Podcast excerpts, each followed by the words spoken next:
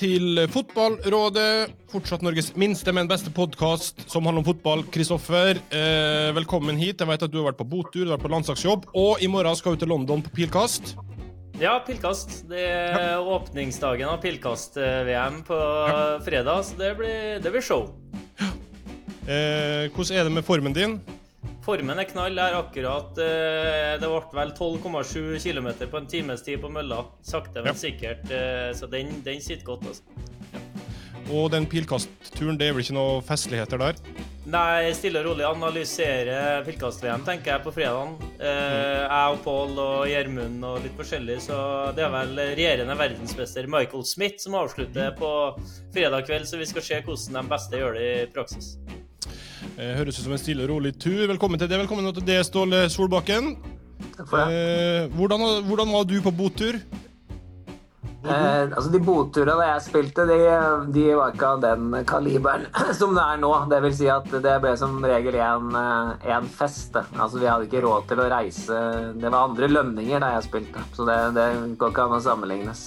Men jeg har vært på et, et, et julebord i Wimbledon en gang, det halvåret jeg var der.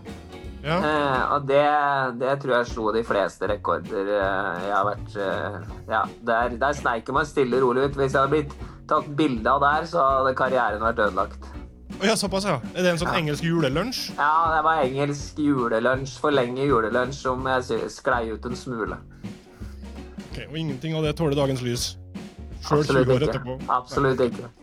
Kunne du tenkt å vært med på sånn pilkast-VM? London? Nei, nei pilkast det, det, klarer jeg ikke å engasjere meg i, gitt. Det, er, det er langt unna. Mm. Uh, uansett, veldig hyggelig at du er med oss. Vi tenkte vi skulle oppsummere litt det som har skjedd i år, og se litt fremover. Så jeg tror bare vi hopper rett i det. Og vi starter som så hører bør med landslaget. Kanskje ikke så mye om 2023. Det føler jeg liksom har vært snakka om og ut i vide og det breie. Det har vært totalt sett eh, med Eh, sånn som det ble, så ble det en skuffelse. Men det kommer jo et nytt år, og når jeg var inne på forbundssida nå i sted, så står det da uh, på terminlista null oppført. Der er det ingenting. Uh, så jeg vet ikke om har vi lagt ned landslaget og bare tatt, tatt konsekvensene, eller er man nå midt i planleggingsfasen for hva som skal bli i 2024?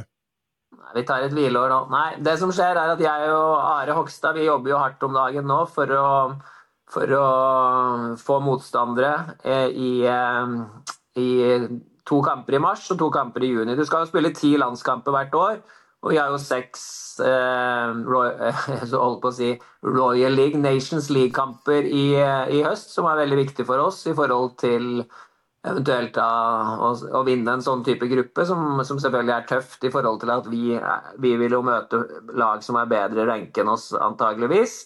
Eh, men samtidig så ligger vi og svever mellom andre og tredje sidningslag i forhold til VM-kvalik. Og hvis du husker da gruppene vi kunne komme i i uh, forhold til VM-kvaliken, da, uh, så var det jo grupper med Nederland og Frankrike, England og Italia f.eks.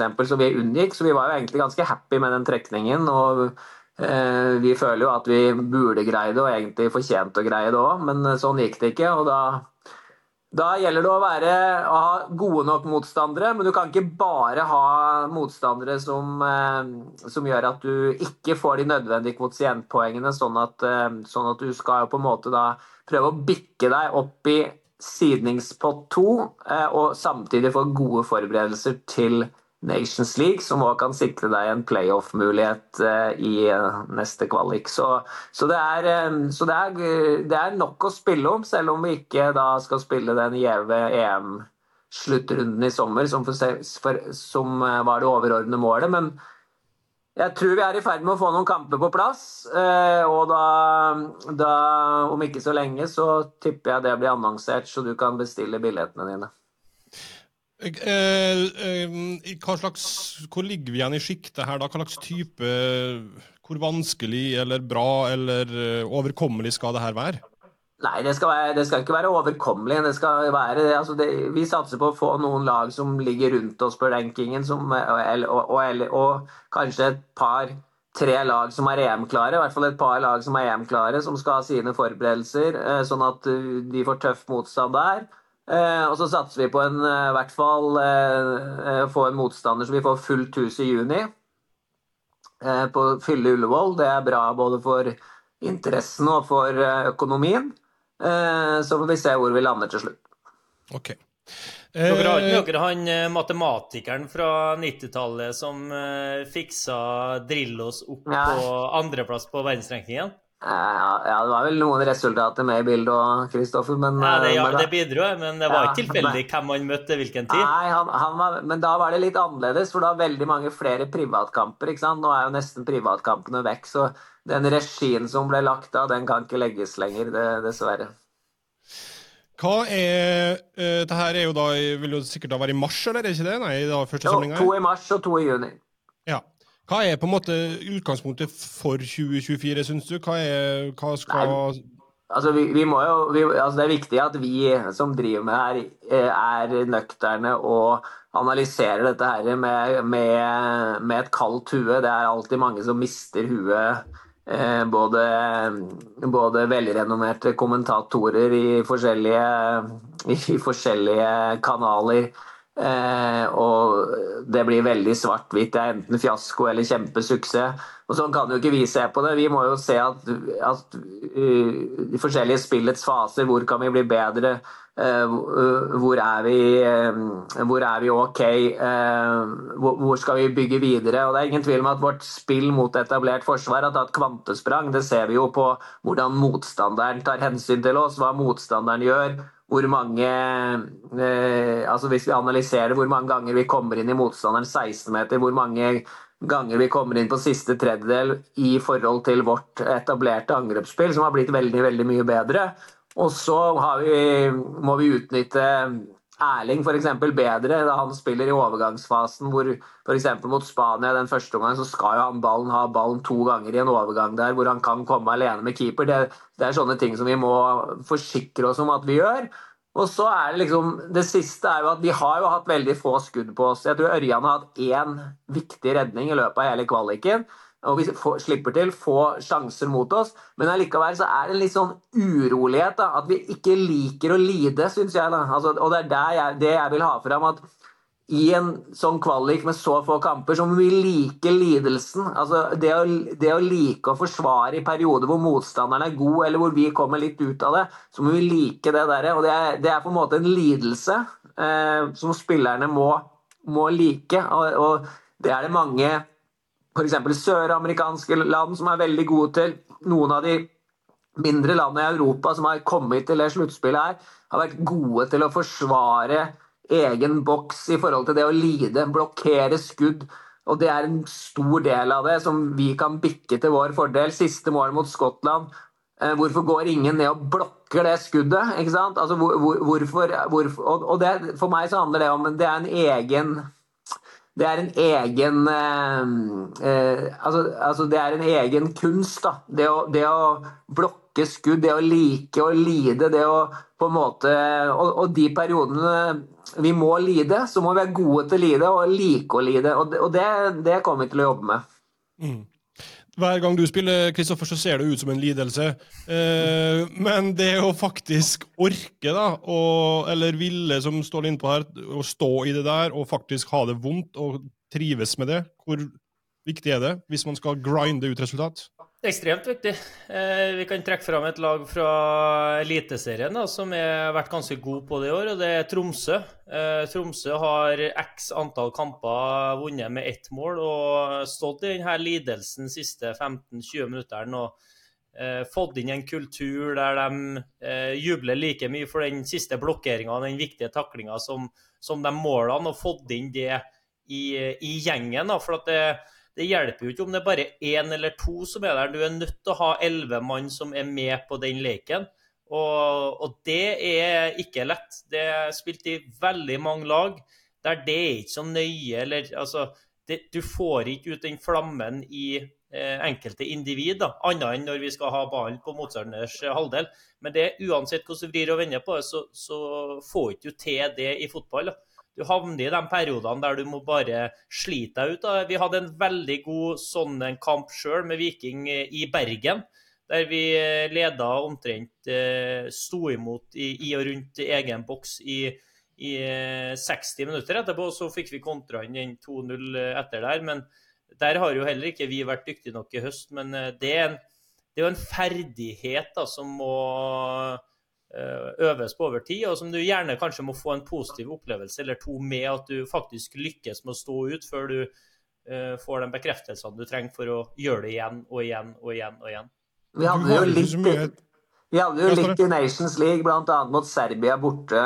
Andre omgang mot Sverige på Friends, ikke sant? hvor de uh, kjører alt. og da, da føler jeg, Men så er vi liksom blitt et sånt kanskje da, litt for fintspillende lag i noen sekvenser. At, at vi har blitt for kalle unorske. At, at, vi har dyrket det for mye. Da, og, at, og, og, vi ser at motstanderen tar mer og mer hensyn til oss. Motstanderen presser oss lavere og lavere. Det blir mer spill eh, på motstanderens halvdel mot et lavt eh, etablert eh, motstander som, som, da kanskje har tatt noen av våre dyder. Da. Kontringer, det å forsvare boks, gode på dødballer. Så, så, så vi må på en måte og finne tilbake til det i, hvert fall i de periodene hvor ikke eh, hva skal vi si, alt fungerer. Og, det, og de kommer jo, ikke sant. Så, så og, og, da jeg ser på den Skottland-kampen til slutt her nå, hvor vi spiller jo uten våre store stjerner, og vi har så mye eh, bra arbeid, eh, eh, angrepsoppbygginger, så mye forskjellige, og vi får til det vi har trent på.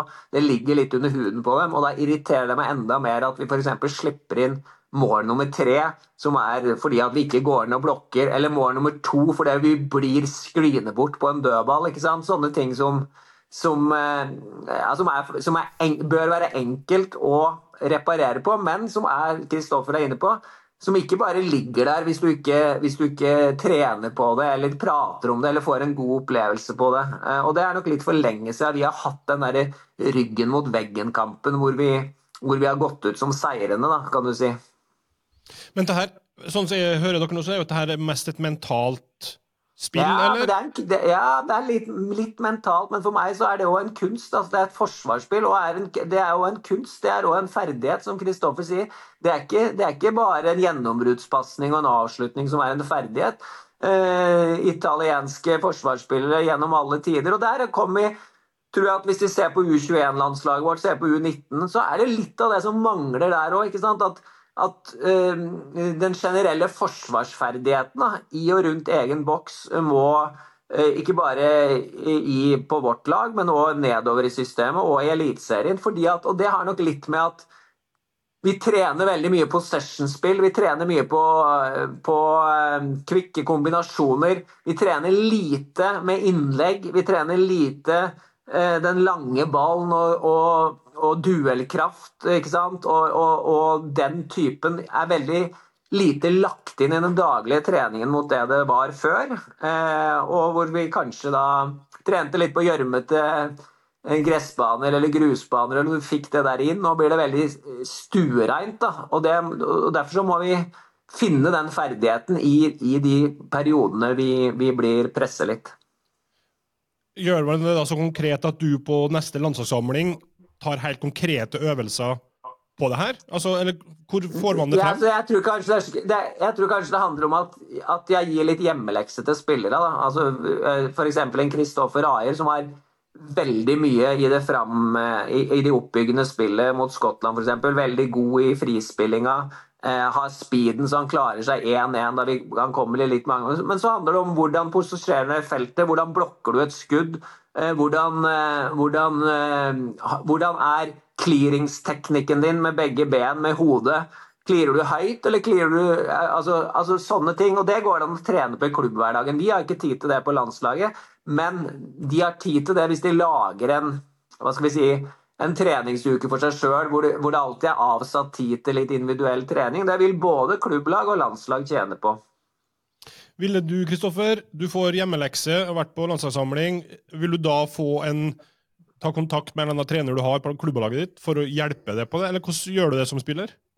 Altså det Lagene de fleste jeg spiller i, har jo 1000 mann i støtteapparatet, så det ville være verdens minste problem å, å ta og spørre om du kan hjelpe meg ti minutter etter hver trening. Og mm. Det er jo ekstremt populært. da, Vi snakka om tidligere at uh, de fleste de etter trening de vil ha med seg en for å skyte noe skudd, for det er artig.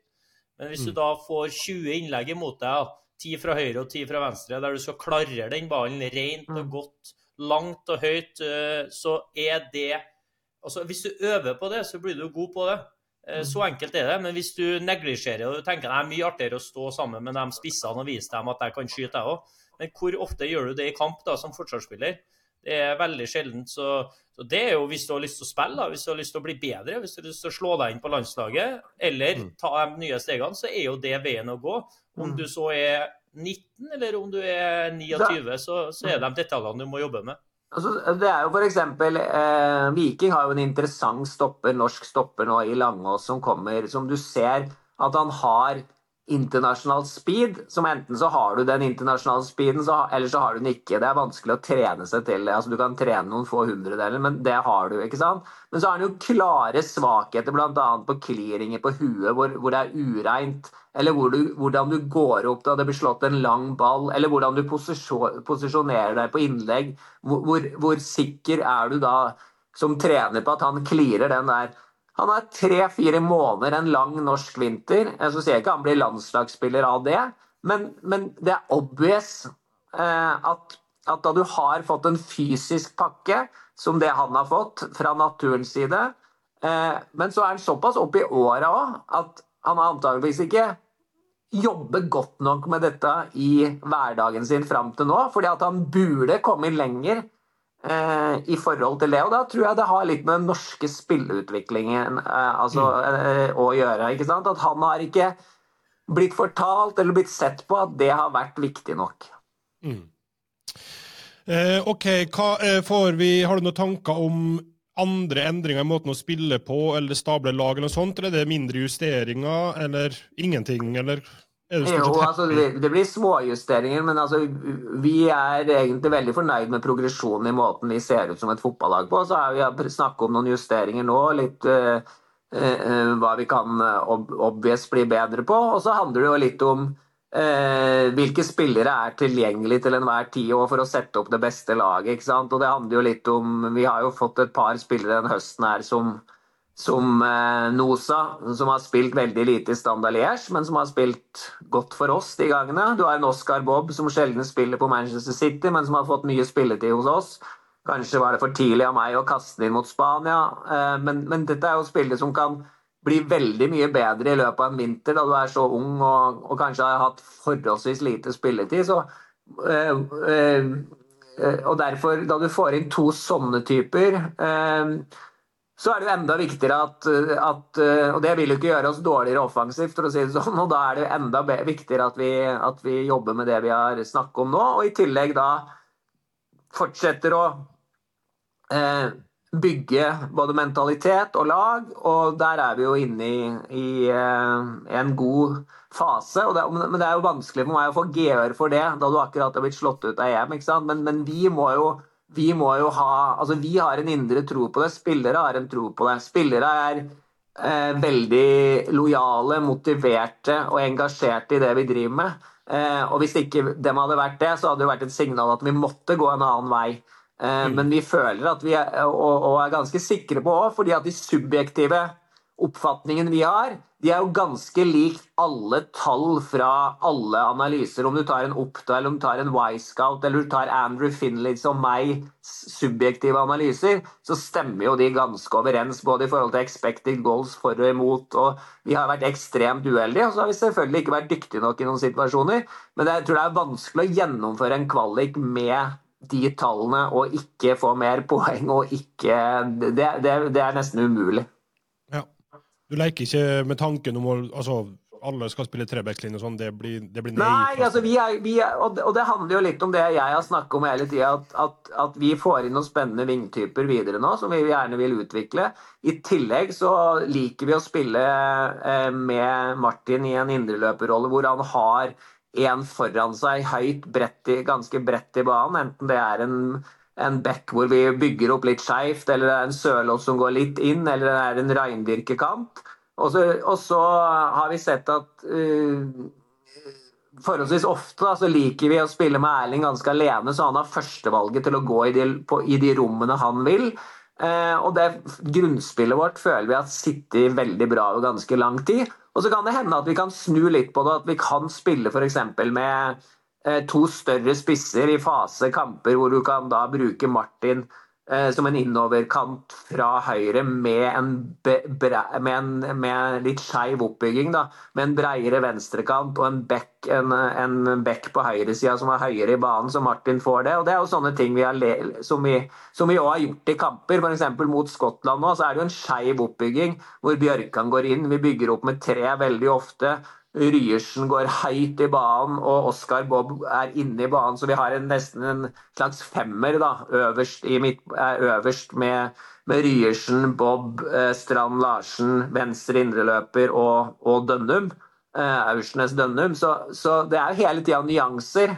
Mm. Eh, og så er det ikke alltid at eh, alle får med seg det. Vi kan ikke få med oss alt. Kristoffer, eh, helt eh, konkret, sånn som du ser landslaget. Hvis det er én ting på en måte du savner eller skulle ønske eller ville jobba med eller forbedra, hva ser du liksom bare den ene tingen? Jeg har vel spurt om det etter eh, forrige samling og oppsummert litt eh, året. At jeg syns jo at det er rart da personlig, og der mange roper etter og skulle ja, må, Nå må vi spille 5-4-1 eller 5-3-2 osv. Når du har faktisk et lag som stort sett i de fleste kampene har vært det beste laget. Sånn at måten du har spilt på, har i utgangspunktet gitt deg større sjanse til å vinne enn til å tape. Så da ville for meg som spiller, da, måten jeg også kjenner igjen det å jobbe med, at du passer på å ikke bli dratt i den ene eller andre retningen, men å prøve å smalt fokus på det du faktisk gjør, så ville det vært veldig rart å skulle ha gjort noen omveltninger. Nei, nå må vi gjøre noe helt annet. For da starter jo på nytt igjen, da fra noe som faktisk har gitt deg en økt mulighet for å vinne kamper, sånn som jeg ser det. Uh, og I tillegg det med vingtyper. at Jeg bare grøssa av tanken, si at man skulle ha nå bestemt seg, eller kommet inn en ny en, da, så man skulle ha spilt 5-3-2. Og så hadde, har du generasjonstalenter da, i vingspillere. Uh, I Bob og Nusa f.eks. Jeg syns Osame er jo en kjempespennende og kant av stegene som, som kant. Endelig har vi kanter som kan drible og passere folk, og så skulle vi ha spilt uten. Da hadde vi sittet igjen om ti år tror jeg, og lurt på hva vi skal holde på med. Men... Og, så, og så er det jo litt sånn at vi må se litt på at altså, altså det, det, blir jo litt sånn at i en kvalik, hvis du, ser, hvis, du, hvis du, har åtte kamper i en kvalik, så sier vi at begge Spania-kampene blir vanskelig, begge Kypro-kampene blir overkommelige, og da har du igjen Georgia-kampene og Skottland-kampene. ikke sant? Og da er det veldig veldig, veldig små marginer. og Det er jo der vi må bli bedre til å, til å, hva skal vi si, til å bikke det vår vei. og da kan du si at det jeg ser på meg, at den klart største tabben jeg gjorde da i den kvaliken her, er jo måten jeg agerer på etter at Leo faller mot Skottland og er uheldig, og det kommer ut av ingenting. Vi har full kontroll. Ikke, Skottland har ikke hatt et skudd på mål. Det er, fire, eh, det er eh, på det tidspunktet eh, fire eller fem-null i sjanser, og det er 1-0 til oss. Og så, og så skjer det som skjer, og så skårer dem. Da er det faktisk igjen 12 minutter, 11-12 minutter, for det har vært veldig mange som har ligget nede. Det har vært veldig mye kramper, det har vært veldig mye bytter, og det er fem minutter igjen av kampen pluss tillegg. Så la oss si at det er igjen 10 pluss, da. Da slutter vi å gjøre vårt spill både defensivt og offensivt. Jeg er da øverste leder og klarer ikke å ta tak i det på sidelinja, sånn at noen spiller langt og noen spiller kort. For første gang i kvaliken så begynner plutselig å legge lange baller et, og, i, et, et, lag som er for langt. og Da kan ballen dette ned til en skotte, den kan dette til en norsk spiller. Den detter da til en skotsk spiller på den avgjørende 2-1-skåringen. Hvor da eh, Meling bryter ut eh, av alle som heter soneprinsipper, for han vil vinne ballen tilbake. Leo løper ut mot venstrekanten og bryter alle de prinsippene vi har der. Og så er vi for få folk i feltet, og så skårer dem. Og det er fordi spillere er så desperate, for det heter at vi må vinne den kampen. Vi kan ikke klare oss noe annet. Men det hadde vært mye bedre med 1-1. De, de hadde gitt mye større press på Skottland. Selv om det ikke hadde sett godt ut, så hadde det sett helt annerledes ut. Vi hadde hatt ett mer, og dem to mindre. Eh, og, og, og, Og det irriterer meg den dag i dag, for da, da, da falt vi litt sammen. Og, vi hadde noen friske folk på banen, og vi hadde noen slitne folk på banen. Og de friske folka da, de gikk amok, istedenfor at vi spilte grunnspillet vårt ut. 10-12 lange minutter mot et veldig sliten Skottland-lag. Og, det, jeg, og, og det, det, er noe eh, som er veldig ja, Som gnager meg, da. Veldig.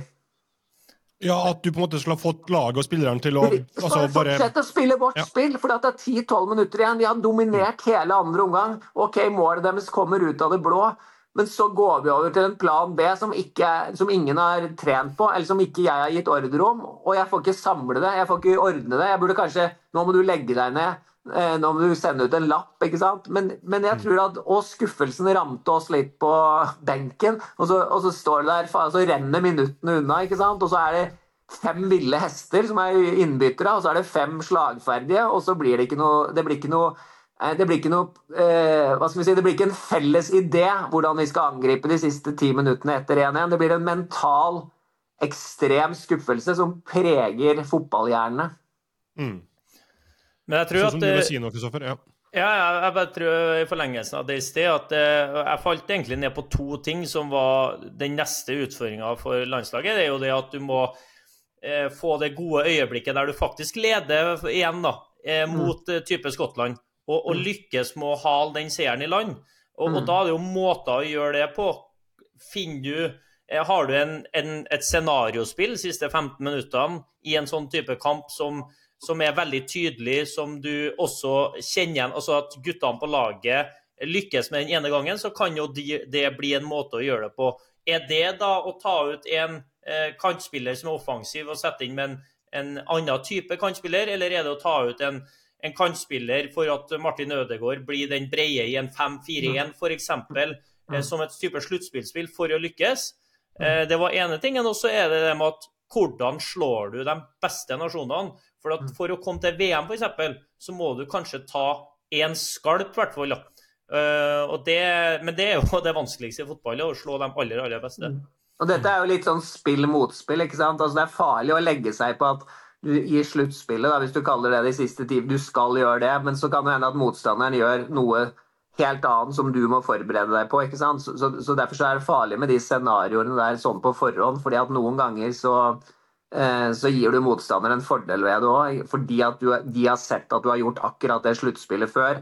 Eh, og da, da, har de den planen eh, hvis de ligger under før der. Så det, er, så det er viktig å ha huet kaldt på det. Og så er jeg enig med Kristoffer at, at, at nå, nå, må vi ta en skalp igjen. Vi tok Sverige to ganger og Serbia i Nations League, som, som lå langt foran oss på rankingen. Eh, og så var det uavgjort mot Nederland. Eh, og så hadde vi vel Spania i kne ganske lenge i den bortekampen. Men eh, særlig på Ullevål så er det på tide å ta en, en skalp igjen. Eh, vi var ganske nærme da Haaland skjøt på innsida av stolpen mot Nederland der. Eh, men, men, vi må dit igjen. Eh. og så er det jo bare sånn det er med landslag, at vi er, og kanskje de mindre landene, avhengig av at de beste spillerne er der, og at de performer på, på akkurat den dagen eh, hvor eh, f.eks. Eh, det hadde vært OK å ha med Erling, i hvert fall i Georgia, da ballen danser på den femmeteren omtrent en hel førsteomgang og siste kvarter av andre. Eh, OK, vi skal runde av landslagspraten snart. Bare det er ett spørsmål der fra, fra Steinar som lurer på hvor ofte dere internt er faglig uenige. Eh, han graderer ikke noe liksom om Nei. Men hvor ofte liksom kverner dere på hverandre?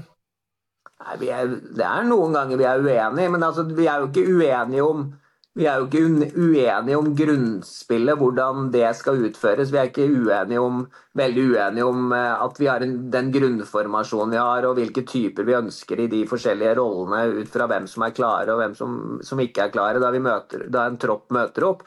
Men det kan jo være nyanser i f.eks. mot Spania på hjemmebane, hvor, hvor, vi kan diskutere og være uenige. Hvor, hvor, hvilke type presshøyder skal vi ha? Skal vi, tørre å, skal vi tørre å presse helt opp? Skal vi låse femmeteren deres og prøve å vinne ballen der?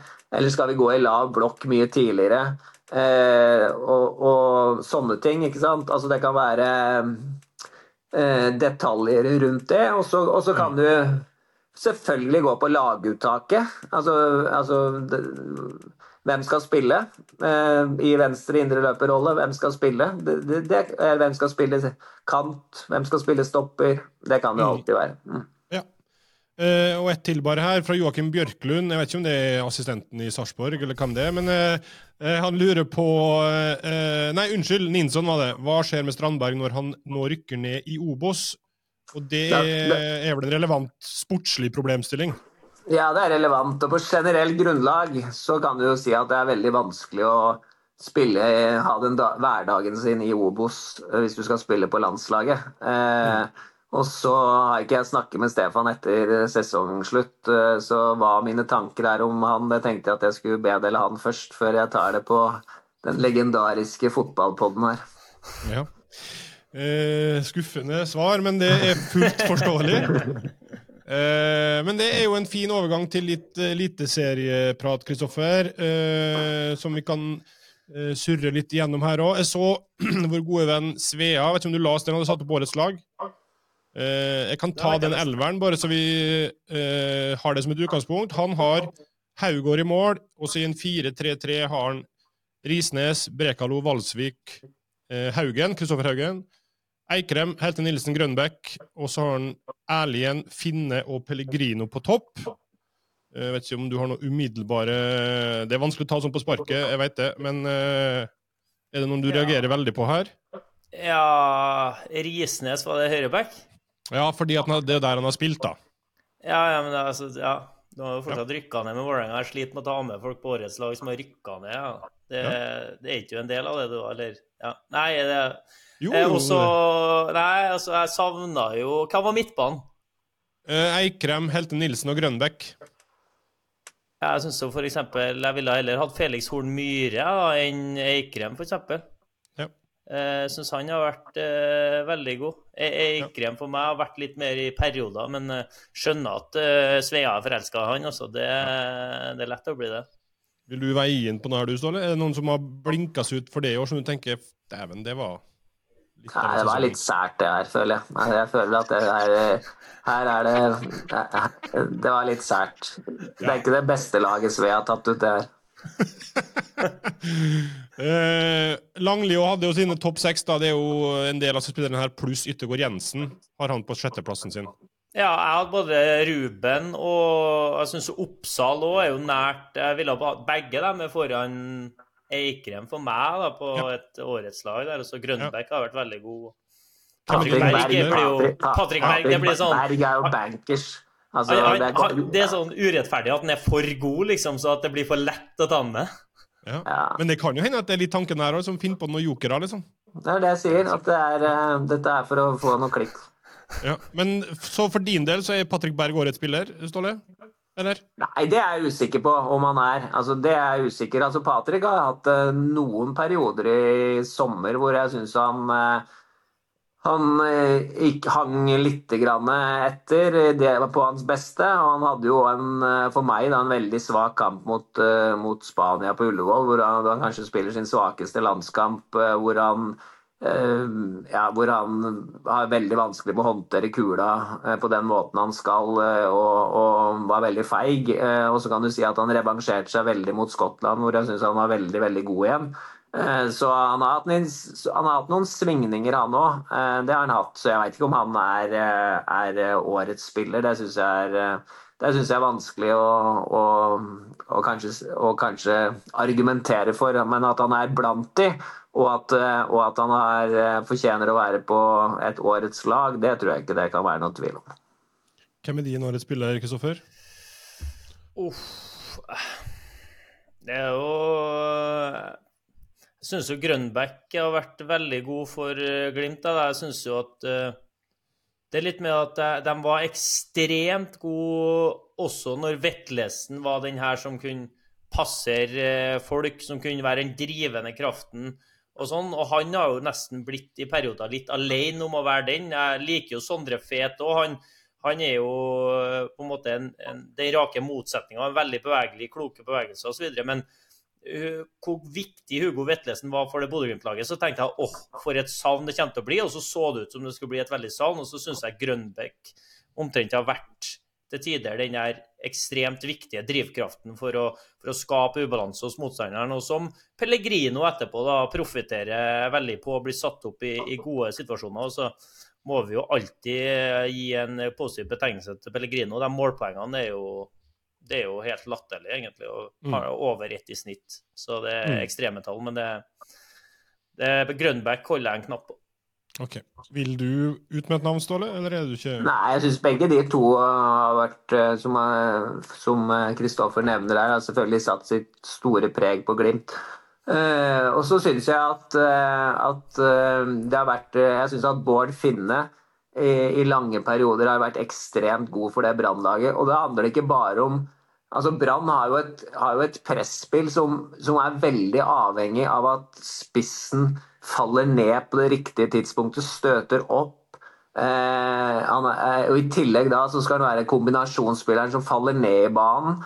Eh, han er veldig god i, liksom, i siderommene rundt eh, 16-meterfeltet eh, som spiss og, og tilrettelegger mye der og skaper rom for andre. og I tillegg har han vært en habil avslutter i perioder og jobber steinhardt. Eh, eh, så jeg syns at han er den som har overrasket meg mest. Da, for jeg så han jo i eh, i Obos, jeg så han i Sønderjyske, eh, jeg så han i Vålerenga. eh, Og at han liksom skulle eh, revansjere seg på en sånn måte, det har vært vanskelig å se på den tida der. Og, og en herlig lagspiller òg, som, som jeg syns at i de vanskelige periodene, periodene til Brann, hvor kanskje ikke Brann får tak i ballen og har litt sliter, så er det han som vinner. Det er han som eh, får noen billige frispark, eller får noen, eh, altså fordi han kaster seg inn i det. Til tross for at den, fysikken ikke er all verden, så, så er han totalt uredd. Eh, Så, så en veldig, veldig lagspiller som har greid å sette individuelt preg på det. Så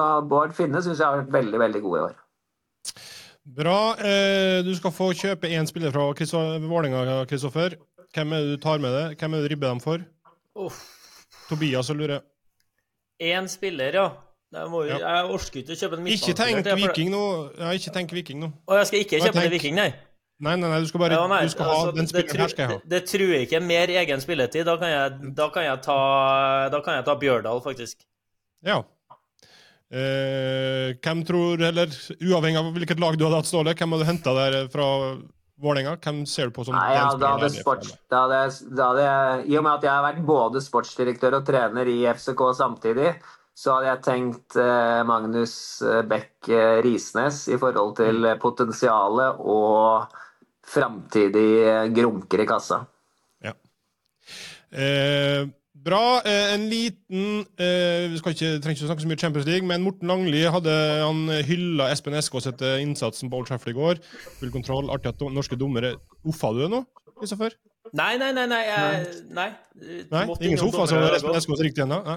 Så han bare skriver at det liksom var eh, gøy at dommerne var veldig gode når hele verden ser på en så stor kamp, og det tror vi stort sett er enig i alle med Langli her. Og så meldte han i tillegg at United eh, ser jo ikke ut om dagen, og at de hadde hatt store problemer om de hadde møtt Glimt eller Molde eh, med å vinne der. da. Hva tror du, Ståle?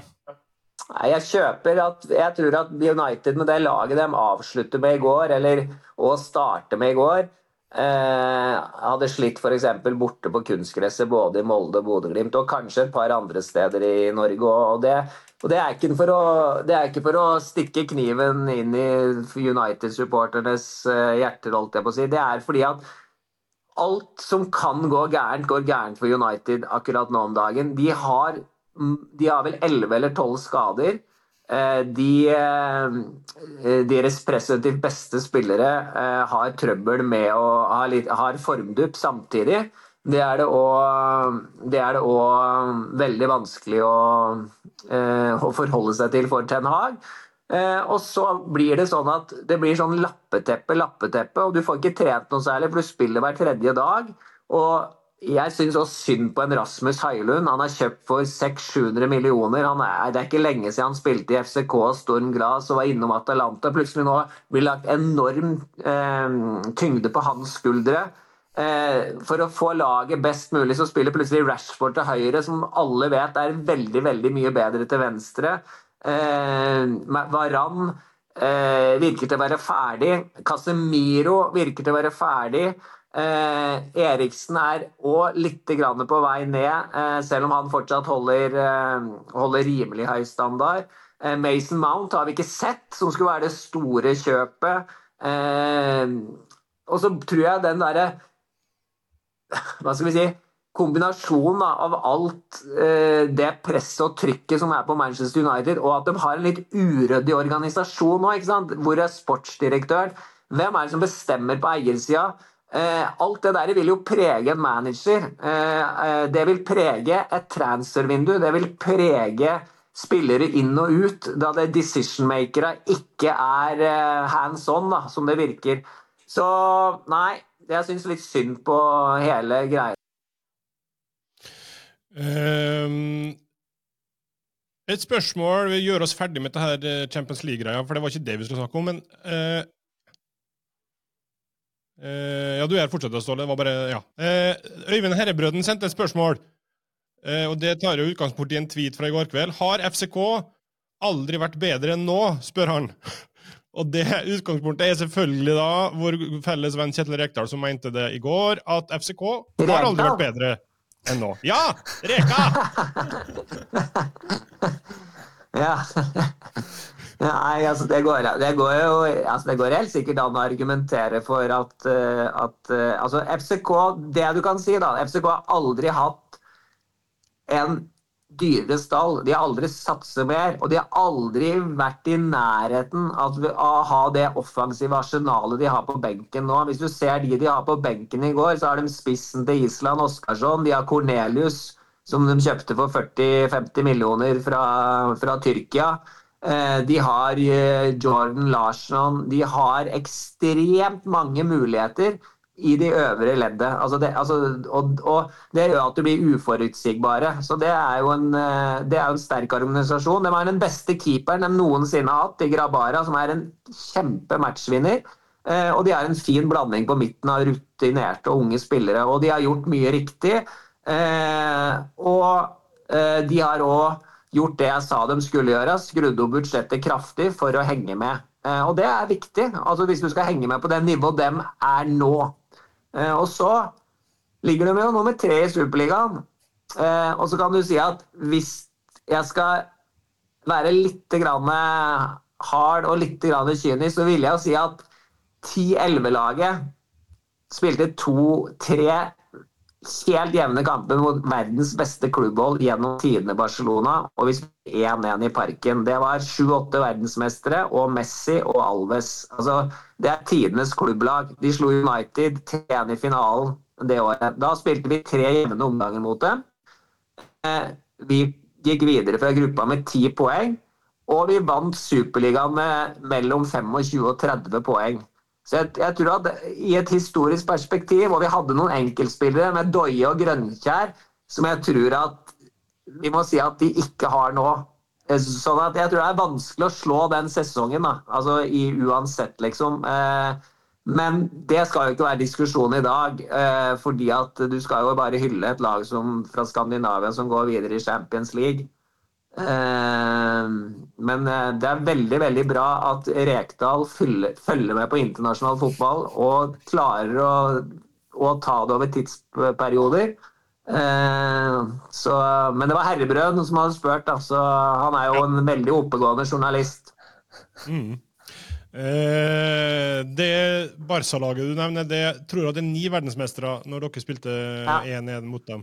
Ja, og så, så, sånn at det er liksom å, det er vanskelig liksom å argumentere mot det. For vi, vi, ble faktisk seriemestere jeg tror det var åtte runder før slutt. eller noe sånt, så det, Jeg husker bare at motivere spillere av de siste åtte rundene og det å drive og rullere på laget, for det, det, det var egentlig et litt nightmare, faktisk. Uh, ok, Der hadde du, hadde du fått spilt, Kristoffer. Da hadde du fått spilt halvparten av kampene. Fy faen. Da Stekka har blitt god òg, for jeg hadde vært motivert som bare juling. uh, bra. La oss heller snakke litt om Lillestrøm. Hogner skrev her på internett uh, følgende melding. LSK-fansens krav til ny trener. Må være ekstern, men kjenne kulturen. Må snakke skandinavisk, men ikke norsk, svensk eller dansk må være ultrakonservativ, men nytenkende. Må spille moderne fotball, men alle pasninger må fremover. Og må være ung og sulten, men ha dritlang erfaring. Uh, så dette er jo en kravspekk Kristoffer, som er tilnærma umulig å fylle, men som samtidig er ganske on point. Det er veldig on point. Var kjempetweet. Jeg leste den. Det, det gjenspeiler ganske mange uh, fotballsupportere, egentlig, i de uh, mest omtalte klubbene, der det er mest engasjement rundt. Så ser jeg at diskusjonene går, og man på en måte argumenterer mot hverandre, og så ender man opp å bli enig, og så er man alle enige. Så uansett hva man ansetter, så, så er man litt uh, skeptisk. og det blir spennende å se hva de lander på. Eh, Rosenborg er jo inne i en uh, veldig spennende fase der de skal ansette noe. Der ser det ut som det blir noe i hvert fall moderne, nytt og, og ungt. Og så er jeg spent på Lillestrøm. Det har kommet mindre fram hva, hva de går for og hvilken type retning de ender opp i. Eh, jeg, er ikke... spilt, jeg er jo spilt i Lillestrøm, og jeg er på Åråsen et par, tre, fire ganger i året. Og du, hvis du skal være Lillestrøm-trener, og du skal få eh, ro, anerkjennelse, eh, så er det litt at ball må gå framover. Eh, og, eh, og, det har med den kulturen som har bygd ut over lang tid, hva de har sett der. Og, det, og, og Lillestrøm har et fotballpublikum som eh, er eh, oppegående i den forstand at de ser de historiske linjene. De har sett, Mange av dem har sittet der og sett Tom Lund, og de har vært der under Huli med dødballene. Så det er liksom litt sånn at det skal være litt dødballer, det skal være litt finesse. Men samtidig så skal det være hardtarbeidende og framoverrettet fotball. Altså, altså det, det, er ikke, det, er ikke, Jeg husker at Anders Jacobsen og jeg kom samtidig i klubben. Og Han var litt uheldig å varme opp med capsen bak fram. Eh, og da, da, er du langt igjen. Da skal du spille mange bra kamper på rad for at du skal bli akseptert. Så, så, så, det, så du skal ikke kimse av den kulturen ikke sant? Altså i forhold til eh, hvilken type trener du velger. Fordi at eh, eh da lar spillerne seg òg prege, ikke sant. Og, og, og, så du skal ha den balansen. Hvilken fotball vil vi spille? Hvilken kultur har vi her? Eh, og så Hogner han er jo inne på noe i sin ironiske tweet eh, i forhold til det han eh, ramser opp. Mm. Bør, bør ikke Lillestrøm-jobben på et eller annet tidspunkt være interessant for det? På et eller annet tidspunkt i karrieren din, som en av få norske jobber?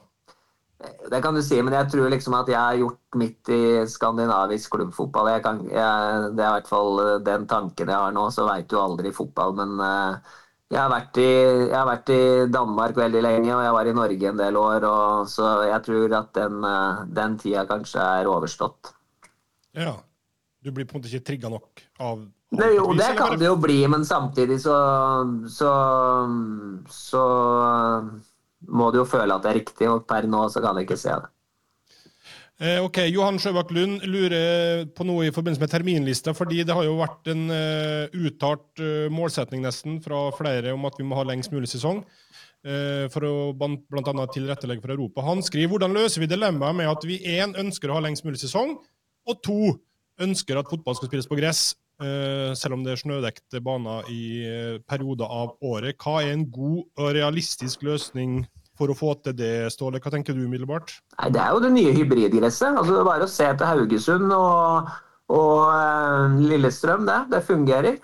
Og det fungerer i Sverige, selv om den ga seg 14 dager før. Det fungerer i Danmark. Det kan være harde vintre, harde vintre der òg. Eh, men det handler om at du må ville det, og det, du, og, og det der kommer bare til å bli bedre. og så kan, du, så kan du helt sikkert oppleve situasjoner hvor, hvor, det er vanskelig. Men det har jo vært knallharde kunstgressbaner som har vært det største problemet i den eh, innspurten her. Og ikke gressbanene, og de det har vært varme i der.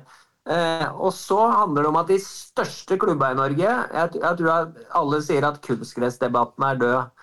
Men hver gang jeg har mulighet, så er den ikke det. For det laget til Kristoffer er i et klimatisk forhold, så de må finne et, klare å ha i en langtidsperspektiv i at de skal ha et treningsanlegg med x antall baner. Altså, du, du, skal ha et treningsanlegg da du er en stor klubb som du er i daglig, og ikke være på stadion. Du skal ha et treningsanlegg. Molde skal ha et treningsanlegg, Vålerenga har muligheter med Valle etc. Så hvis de tre-fire av de største klubbene i tillegg da, til Brann, Rosenborg, Lillestrøm, eh, da vil vi får en eh, mer kompetitiv gressliga som jeg tror vil gagne norsk fotball.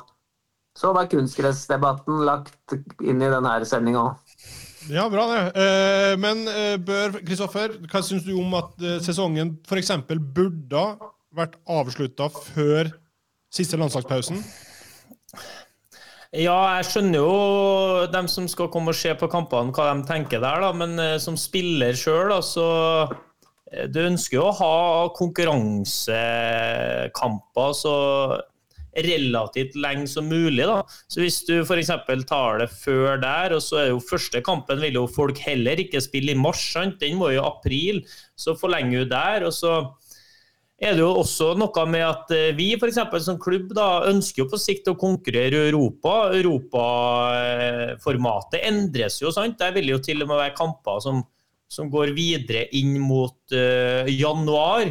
Og, og, hvordan skal du da holde i gang i de kampene seriespillet ditt er ferdig? Det, det er vanskeligere enn folk tror. Jeg ser uh, f.eks. min venn Magnus Barstad veldig aktiv på Twitter rundt det her, og det er jo en selvfølge at sesongen skal starte i, i april, og så skal han avsluttes omtrent i starten av oktober, for da er folk fornøyd, og så spiller på sommeren når det er Ja, men hva med vi som holder på med det her, da?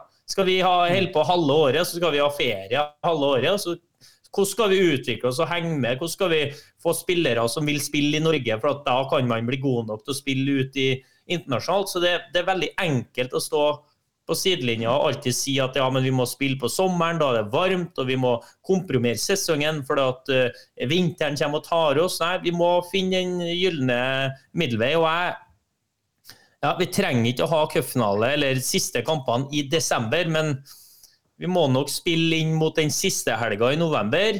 Uh, og så må vi starte opp igjen i uh, mars-april, i hvert fall, sånn som det er nå. Mm. Det, det, er vanskelig å få fram den drømmen til folk om at cupfinalen skal tilbake til å være avslutning på sesongen, og det skal være i oktober. Ja.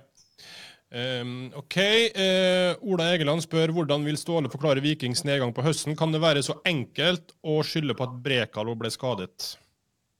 Nei, det syns jeg ikke. Altså, vi, altså, generelt så har jo Viking gjort veldig, veldig mye bra. Altså, Viking har tatt store steg både i det offensive spillet og det defensive spillet. Og i de beste periodene så har Viking vært fullt på høyde med, med, med Bodø-Glimt òg. Men det er jo det å få Eh, et eh, høyere bunnivå, sånn at i de kampene hvor, hvor det offensive spillet kladder litt, eh, så handler det om å snøre igjen sekken litt. Og, og på en måte Hva skal vi si Være mer trygge da, i alt de gjør i de periodene det, det ikke går så bra. Men så er jo Viking et lag som, som tar litt sjanser offensivt. Og det gjør jo at, det gjør at det, Hva skal vi si eh, midtstoppere, eh, defensiv midtbane, blir satt i noen situasjoner hvor de må rydde opp sjøl, og skal rydde opp sjøl, fordi at du tar en kalkulert risiko med å flytte noen spillere høyt i banen tidlig i det oppbyggende etc. Eh, men jeg tror at Viking skal, eh, skal være fornøyd med sesongen. Så har det litt sånn nedtur i og med at de kanskje var enda høyere og overpresterte litt, og så blir det litt nedtur. Men hvis du har sagt før sesongen at Viking skulle ikke hvor mange poeng, tett på 60 poeng eller rundt 60 poeng, så ville jo alle sagt fabelaktig. Eh, og så må vi huske at Brekalo var del av et lag da han var på sitt beste, så var han veldig god. Men jeg syns han var enda bedre med ballen enn han var uten ballen. Altså, altså, Der Brekalo har litt å gå på, er jo det å være en leder i den fireren for det kollektive forsvarsspillet. Eh, han er jo helt overlegen med i ball, igangsettinga og løser mye 1-1-situasjoner sjøl. Men så er det det om han klarer å binde sammen den fireren enda bedre enn det han har gjort. da. Og det er jo hans hva skal vi si, neste steg, da, tror jeg, for at han skal få drømmen om å spille da eh, i en topp fem-liga, f.eks. Mm. Fire setninger fra den interne sesongevalueringa? Nei, det er jo at kurven på sesongen preger veldig humøret og, og hvordan du ser på det. At uh, siden vi var opp der og endte opp ned der, så mista vi noe. Uh, men det som Ståle sier, alt i alt, vi tar 58 poeng. Når er det noensinne et lag i 16-lagsserie som ikke har kommet topp tre med 58 poeng? Det nekter jeg å tro. Det skjer mest sannsynlig ikke, ikke igjen. Så det er jo måten det har skjedd på, at vi har mista noe som vi hadde mellom hendene, som gjør at det er skuffende. Alt i alt, hvis du ser på prestasjon og utvikling gjennom 30 eh, kamper. Eh, fra i fjor til i år så har vi tatt eh, mange steg i mange spillets faser i riktig retning. Og Hvis vi bygger videre på det, så kan vi bli værende i toppen. Istedenfor å få en sånn mellomsesong igjen, som vi fikk etter tredjeplassen i 2021, der vi endte opp helt på ellevte året etterpå. Så Det er jo det det handler om nå. og så Helvetes bittert, da. Ja, og, så ser, og, så ser, man at det er ikke noe fasit med spillelogistikk. ikke sant? Altså, jeg tror at en viktig spiller for Viking var Diagostini. Fordi han, eh, han kunne komme inn på høyre kant med huespillet sitt, jobbe steinhardt, være den ekstra fysiske poweren i feltet. Kunne avlaste Salvesen i de periodene Salvesen trengte det. Og, enda, og være ganske lik da, i, i spillestil, som gjør at Viking skulle forandre seg så mye. Eh, og, og, det, og, og, det, er jo bare sånn det er. ikke sant? At Noen ganger så, så klikker ikke alt med det samme. De, de, klikker ikke med Bell inn på laget. Det klikker heller ikke helt med Samuel, syns jeg. Særlig som høyrekant, for han, han, er, han, er, jo en fantastisk spiller, men han er jo en individuell spiller. Eh, så, så, det er, så, det er, liksom det å finne balansen hele tida, og det, er jo det er men jeg syns at Viking har gjort det godt. Jeg synes at trenere har gjort det, at trenere har jo på mange måter stabilisert det laget eh, på et mye høyere nivå. Og publikum er entusiastiske, og, så det er ikke mye feil Viking har gjort. Eh, men, men de konkurrerer jo da òg mot et Tromsø som har tidenes sesong, et Bodø-Glimt som, som, selv om Bodø-Glimt ikke er på sitt beste, har enorm benk ikke sant? Som, bare, som de kan dytte inn eh, spillere på. Eh, og ja, og Så ja. Det, det, det er litt med, som Kristoffer sier Hadde det vært motsatt, da. De vant de siste ti kampene, så hadde det vært eh, jubel. Og så kan vi bare si til slutt der at vi, eh, feilen har jo eller Skylda har Rune Bjerga tatt på seg. Han laga den 'Det lukter gull på stadionsangen'. Og han sier jo nå at hvis man googler Jinx på internett, så kommer det bilde av han. Så da fikk vi i hvert fall etablert hvem som har skylda. Ja, eh, send alt til Berga. Ja. Eh, så jeg forresten at Aftenbladet meldte at det har kommet et bud på Markus Solbakken. Han er på ferie, men har du en kommentar til det, Ståle? Ikke ferien, men budet. Ja, altså Den eneste kommentaren er at det, han, eh, han, er i hvert fall ikke stressa over det. For han har ikke verken ringt eller eh, SMS-et faren. Så enten så han, fa, blir faren holdt utafor, eller så er han helt eh, Det er i hvert fall ikke sånn at han går i fistel over det. Nei. Ja, bud avslått, så. Det, Alternativ... Ja, og bud avslått, så de jobber vel ennå inn mot jula, tenker okay. jeg. Så. Men da, jeg tipper det alternativ to er at den er en ganske relativt avslappa type. Ja, det er den i hvert fall. Ja. Eh, vi kan nå bare bruke to minutter eller et minutt på Kamma, som berga seg med ganske god margin, egentlig. Imponert, Ståle?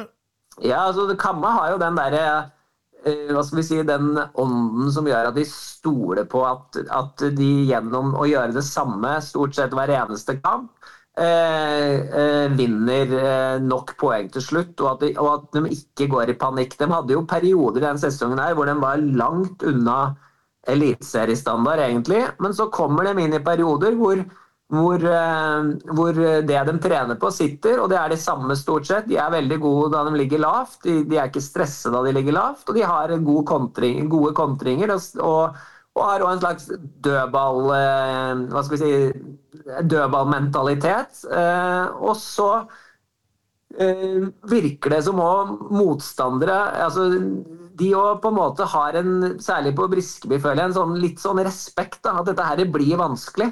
Altså det, det, dette er en vanskelig bortekamp.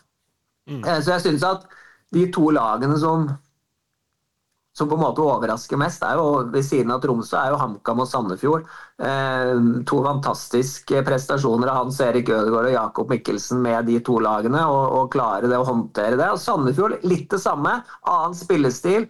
Eh, mer eh, hva skal vi si, eh, uttrykk hvor de stoler mer på hva de vil gjøre med ballen. Men de tør mot alle lag, og de kommer jo inn i noen veldig vanskelige perioder. Tapte med ett mål mange kamper på rad. Taper mot HamKam 1-0. Alt ser helt mørkt ut, men de har troa på det de driver med. De driver videre. De må være veldig gode på spillelogistikk og finne da spillere i lavere divisjoner. og Da tar det ofte litt tid å gjøre dem til eh, eliteseriespillere. Så de to prestasjonene er sterkt undervurdert i forhold til da det blir kåringer her og der. Og, jeg jeg nesten så jeg mener at uh, Hans Erik Ødegaard er, er uh, årets trener i Eliteserien, altså. Jeg syns at det Eller vil du si det? Nei, for det er mange gode. Du kan jo ta Kjetil, du kan ta Horneland, du kan ta Gaute, ikke sant. Uh, men, men altså, Hans Erik er helt oppe der med de, det må jeg si. Altså, for det, det er den oddsen i den lagoppstillingen de hadde i noen kamper eh, Du skal være godt interessert i fotball hvis du ikke holder med Sandefjord for å ha full oversikt over de spillere. Men jeg syns at det fantastiske og det mest fascinerende med fotball er at du gjør det Det er to vidt forskjellige måter å spille på HamKam og Sandefjord. Altså Det er nesten eh, rake motpoler. Og Det viser at det finnes jo ingen fasit i fotball. og Begge har jo som ambisjon å bare holde seg i Eliteserien. Gjerne utvikle en spiller eller to innenfor der. da. Men den eneste fasiten som er, er jo at du må ha en gjeng som er all in på ditt konsept for å kunne lykkes med det. Og det har de skapt begge to en sånn en tru på det de holder på med på hvert sitt vis, som de har stått i. Og Sandefjord nå i flere år. Eh, Mikkelsen har jo begynt å være der en stund i HamKam men det er veldig imponerende begge måtene. og det, det, er artig at du kan gjøre det på forskjellige måter. Så blir det litt annerledes neste år for begge de to, for nå kommer KFUM, så kommer Kristiansund, og så kanskje Fredrikstad. Og så kanskje da begge to føler at nå må vi ta det neste steget. Og det, kanskje, det vil kanskje publikum, sponsorer eh, altså at, at, de mekanismene der da, at Neste år kanskje det ikke er nok å klare seg. Kanskje vi må ta et steg til, liksom. Altså fordi at uh, det er noen altså Kristiansund og KFM vil jo bli de som per nå da ser ut til å bli veldig undertippet neste år. Mm. Eh, OK, vi, må, vi, nærmer oss jo at vi har brukt for lang tid, men bare et par ting. Vi kan liksom ikke oppsummere det Kristoffer, uten å snakke ett minutt om Vålerenga, i hvert fall. Så eh, vår, vår, gode venn Leif Welhaven meldte at Vålerenga svikta på uvirkelig vis. De sviktet seg selv, de sviktet fansen, og de svikta norsk fotball.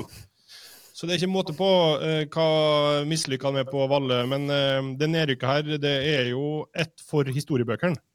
Ja, uten tvil. Eh, men så har det jo ligget i kortene en god stund. Da. Det har ikke bare plutselig ramla sammen. De har eh, vært svake over tid og ikke klart å, grave seg ut. Da. Og så er det jo sjokkerende når du vinner bortekampen 2-0 såpass eh, kontrollert og at du, at du roter bort på den måten. Men det var jo et ekstremt eksempel på hva det mentale har å si i fotball, når du plutselig havner i forsvarsposisjon igjen, der de har vært de har vært dårlige hele år i forsvarsposisjon, og så klarte de å hente seg inn på slutten når de hadde ingenting å ta på. en måte. De hadde allerede rykka ned noen runder for slutt der.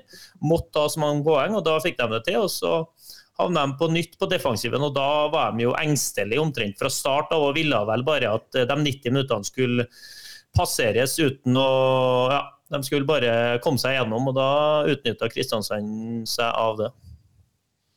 Eh, all ære til KBK, selvfølgelig, men litt trist for norsk fotball at Vålerenga rykker ned? Liksom sånn interessemessig og Ja, på sikt så, men ett år tåler vi, og det laget rykker opp igjen. ikke sant? Så, og så er det jo sånn at nå har det vært sånn at uh, norsk fotball overlevde da Brann gikk ned, da Lillestrøm gikk ned, da Viking uh, gikk ned.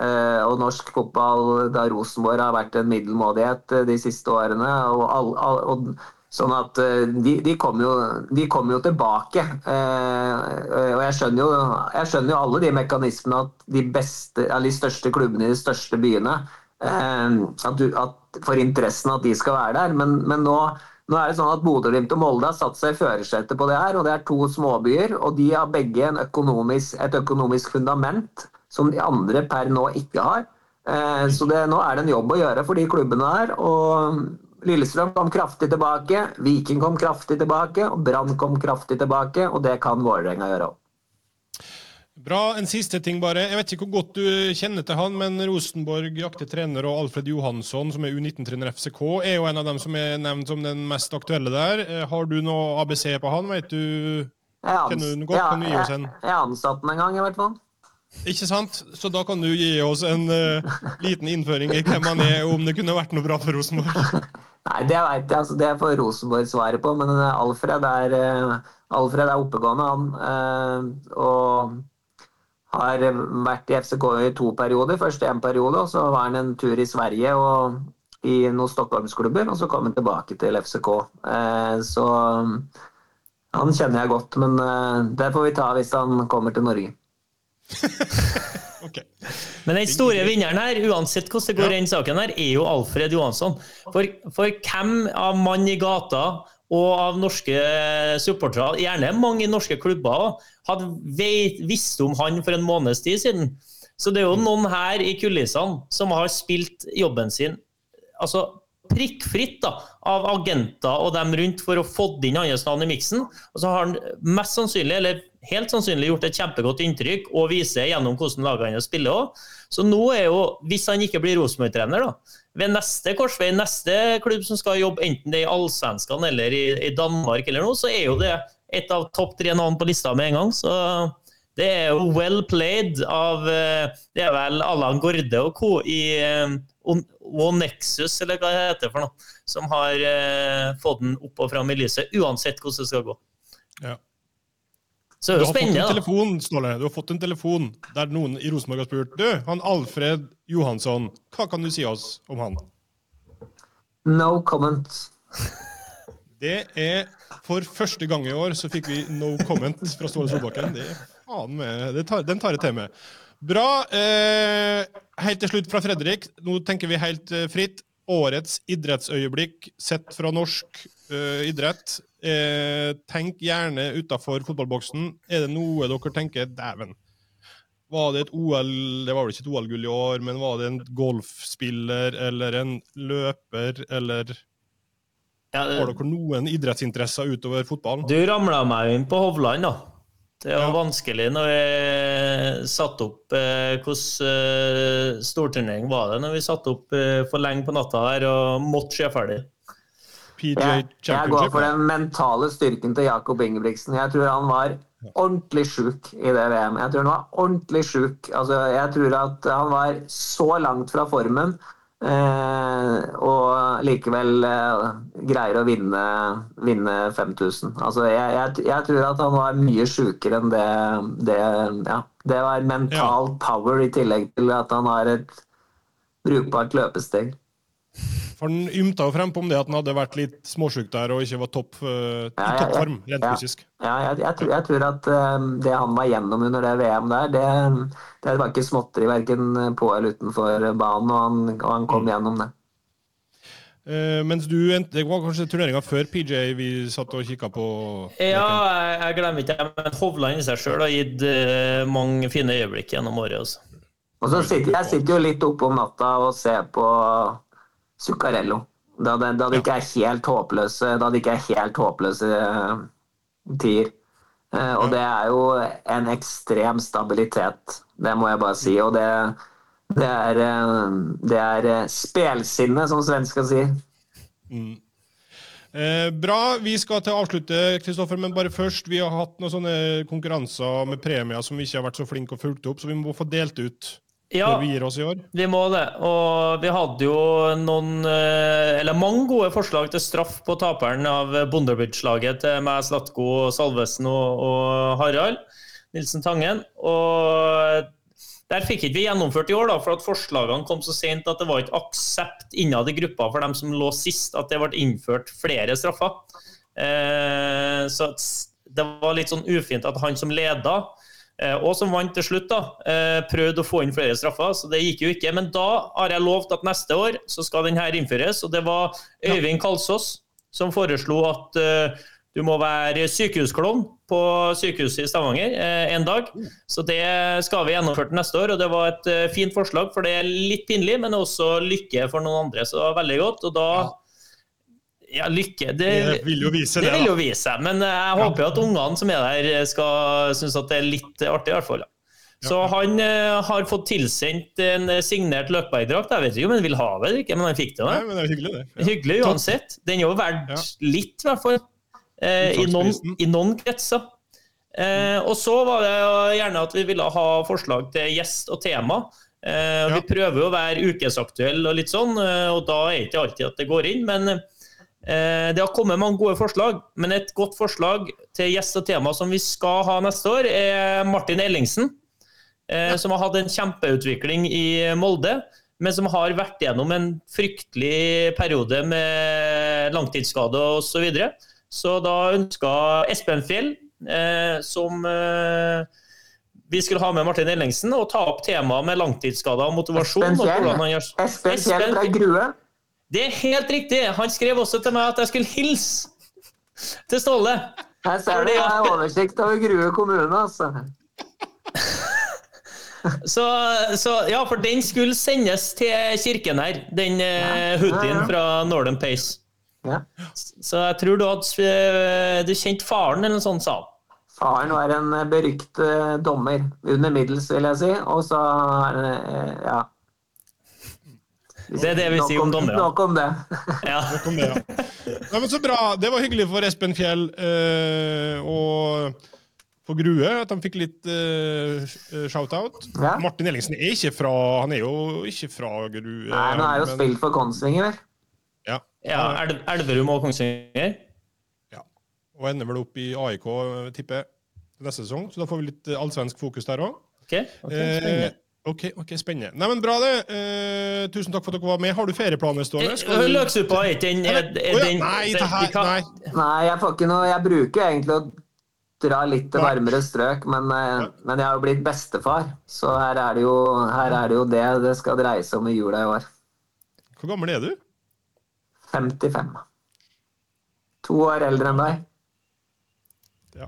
Jeg, jeg, kjenner du litt på det? Litt tidlig å bli bestefar, som Ja, 55-åring? det var, det var, jeg jeg er ikke helt uh, innfinner meg med navnet ennå, så jeg venter. Så jeg kommer til å være tidlig ute da, om et år, da hun begynner å prate. At, eh, jeg, ja, jeg, er ikke, jeg er ikke rakt meg Jeg veit ikke hva jeg skal kalles. Farfar er, høres yngre ut enn bestefar. Nei, men Det kan jeg ikke, for det er min far er farfar. Så, så det, det ligger litt an til bestefar, men det, det, jeg må prøve å lage en litt eh, bedre versjon av det. Altså. Ja, du, du må faktisk det. Det. Hva var, jeg, jeg, hva var løksuppa di, da? Jeg har faktisk, jeg, jeg, jeg faktisk jobba for denne uka her. Jeg har faktisk innhenta informasjon som er litt eh, interessant. Fordi at jeg blir kjørt okay. litt på det nå etter sesongen når jeg møter kompiser. Ja, hvis jeg sier tallet 138 eller 137, hva er det for noe? Det er liksom min quiz, da. Nå Ja, må ja, jeg det gå, altså. Jeg må gå, jeg nå. Ja. Ja, gjør det. Gjør det. Det var Hei! Det, det var antall minutter i Eliteserien i år for min del. Sant? Ja. Eh, og da Det er jo helt brutalt. Det er brutalt lite. Men da har jeg funnet ut hvor mye jævla innsats har jeg lagt ned for 138 minutter. Ja. Så jeg har sjekka ut på GPS-tallene hvor mange meter jeg har lagt ned på trening for de jævla minuttene der. Og du skal ta det kjapt, da, siden du ville at det skal gå så fort. Ja. 1 million og 84 000 og 51 meter. Hæ? Enn at man gidder! ja, det er helt sykt. Og det der er jo uten de forbanna egentreningsøktene på mølla osv. Jeg kan bare tilføye at 46 279 av de meterne har foregått i over 19,8 km i timen. Kjempebra. Gratulerer med det, da. Jeg har i hvert fall jobba på føttene. Jeg, tar- jeg tar juleferie med relativt god samvittighet. Eh, kjempebra. Eh, eh, det var veldig, veldig mange meter. Ja, altså Jeg fant ut at jeg kommer meg Jeg kunne ha jogga fra Stavanger til Trondheim eh, og tatt den der veien som går via Oslo, og så opp. Så bort til Oslo, og så opp til Trondheim. Da hadde jeg fortsatt hatt igjen et maraton å springe etter det. Nei, men eh, vellykka sesong, da. Gratulerer med en god eh, sesong. Eh, det gir vel motivasjon til å gi på med en ny giv i januar. Ja. Bra. Eh, eh, men eh, da tror jeg vi bare setter sluttstrek eh, for i år. Eh, 32 episoder ble det. Godt levert Ja. alle involverte. Tusen takk til alle gjester som har vært med. Først og alle fremst som har dem. hørt på. Først og fremst dem, ja.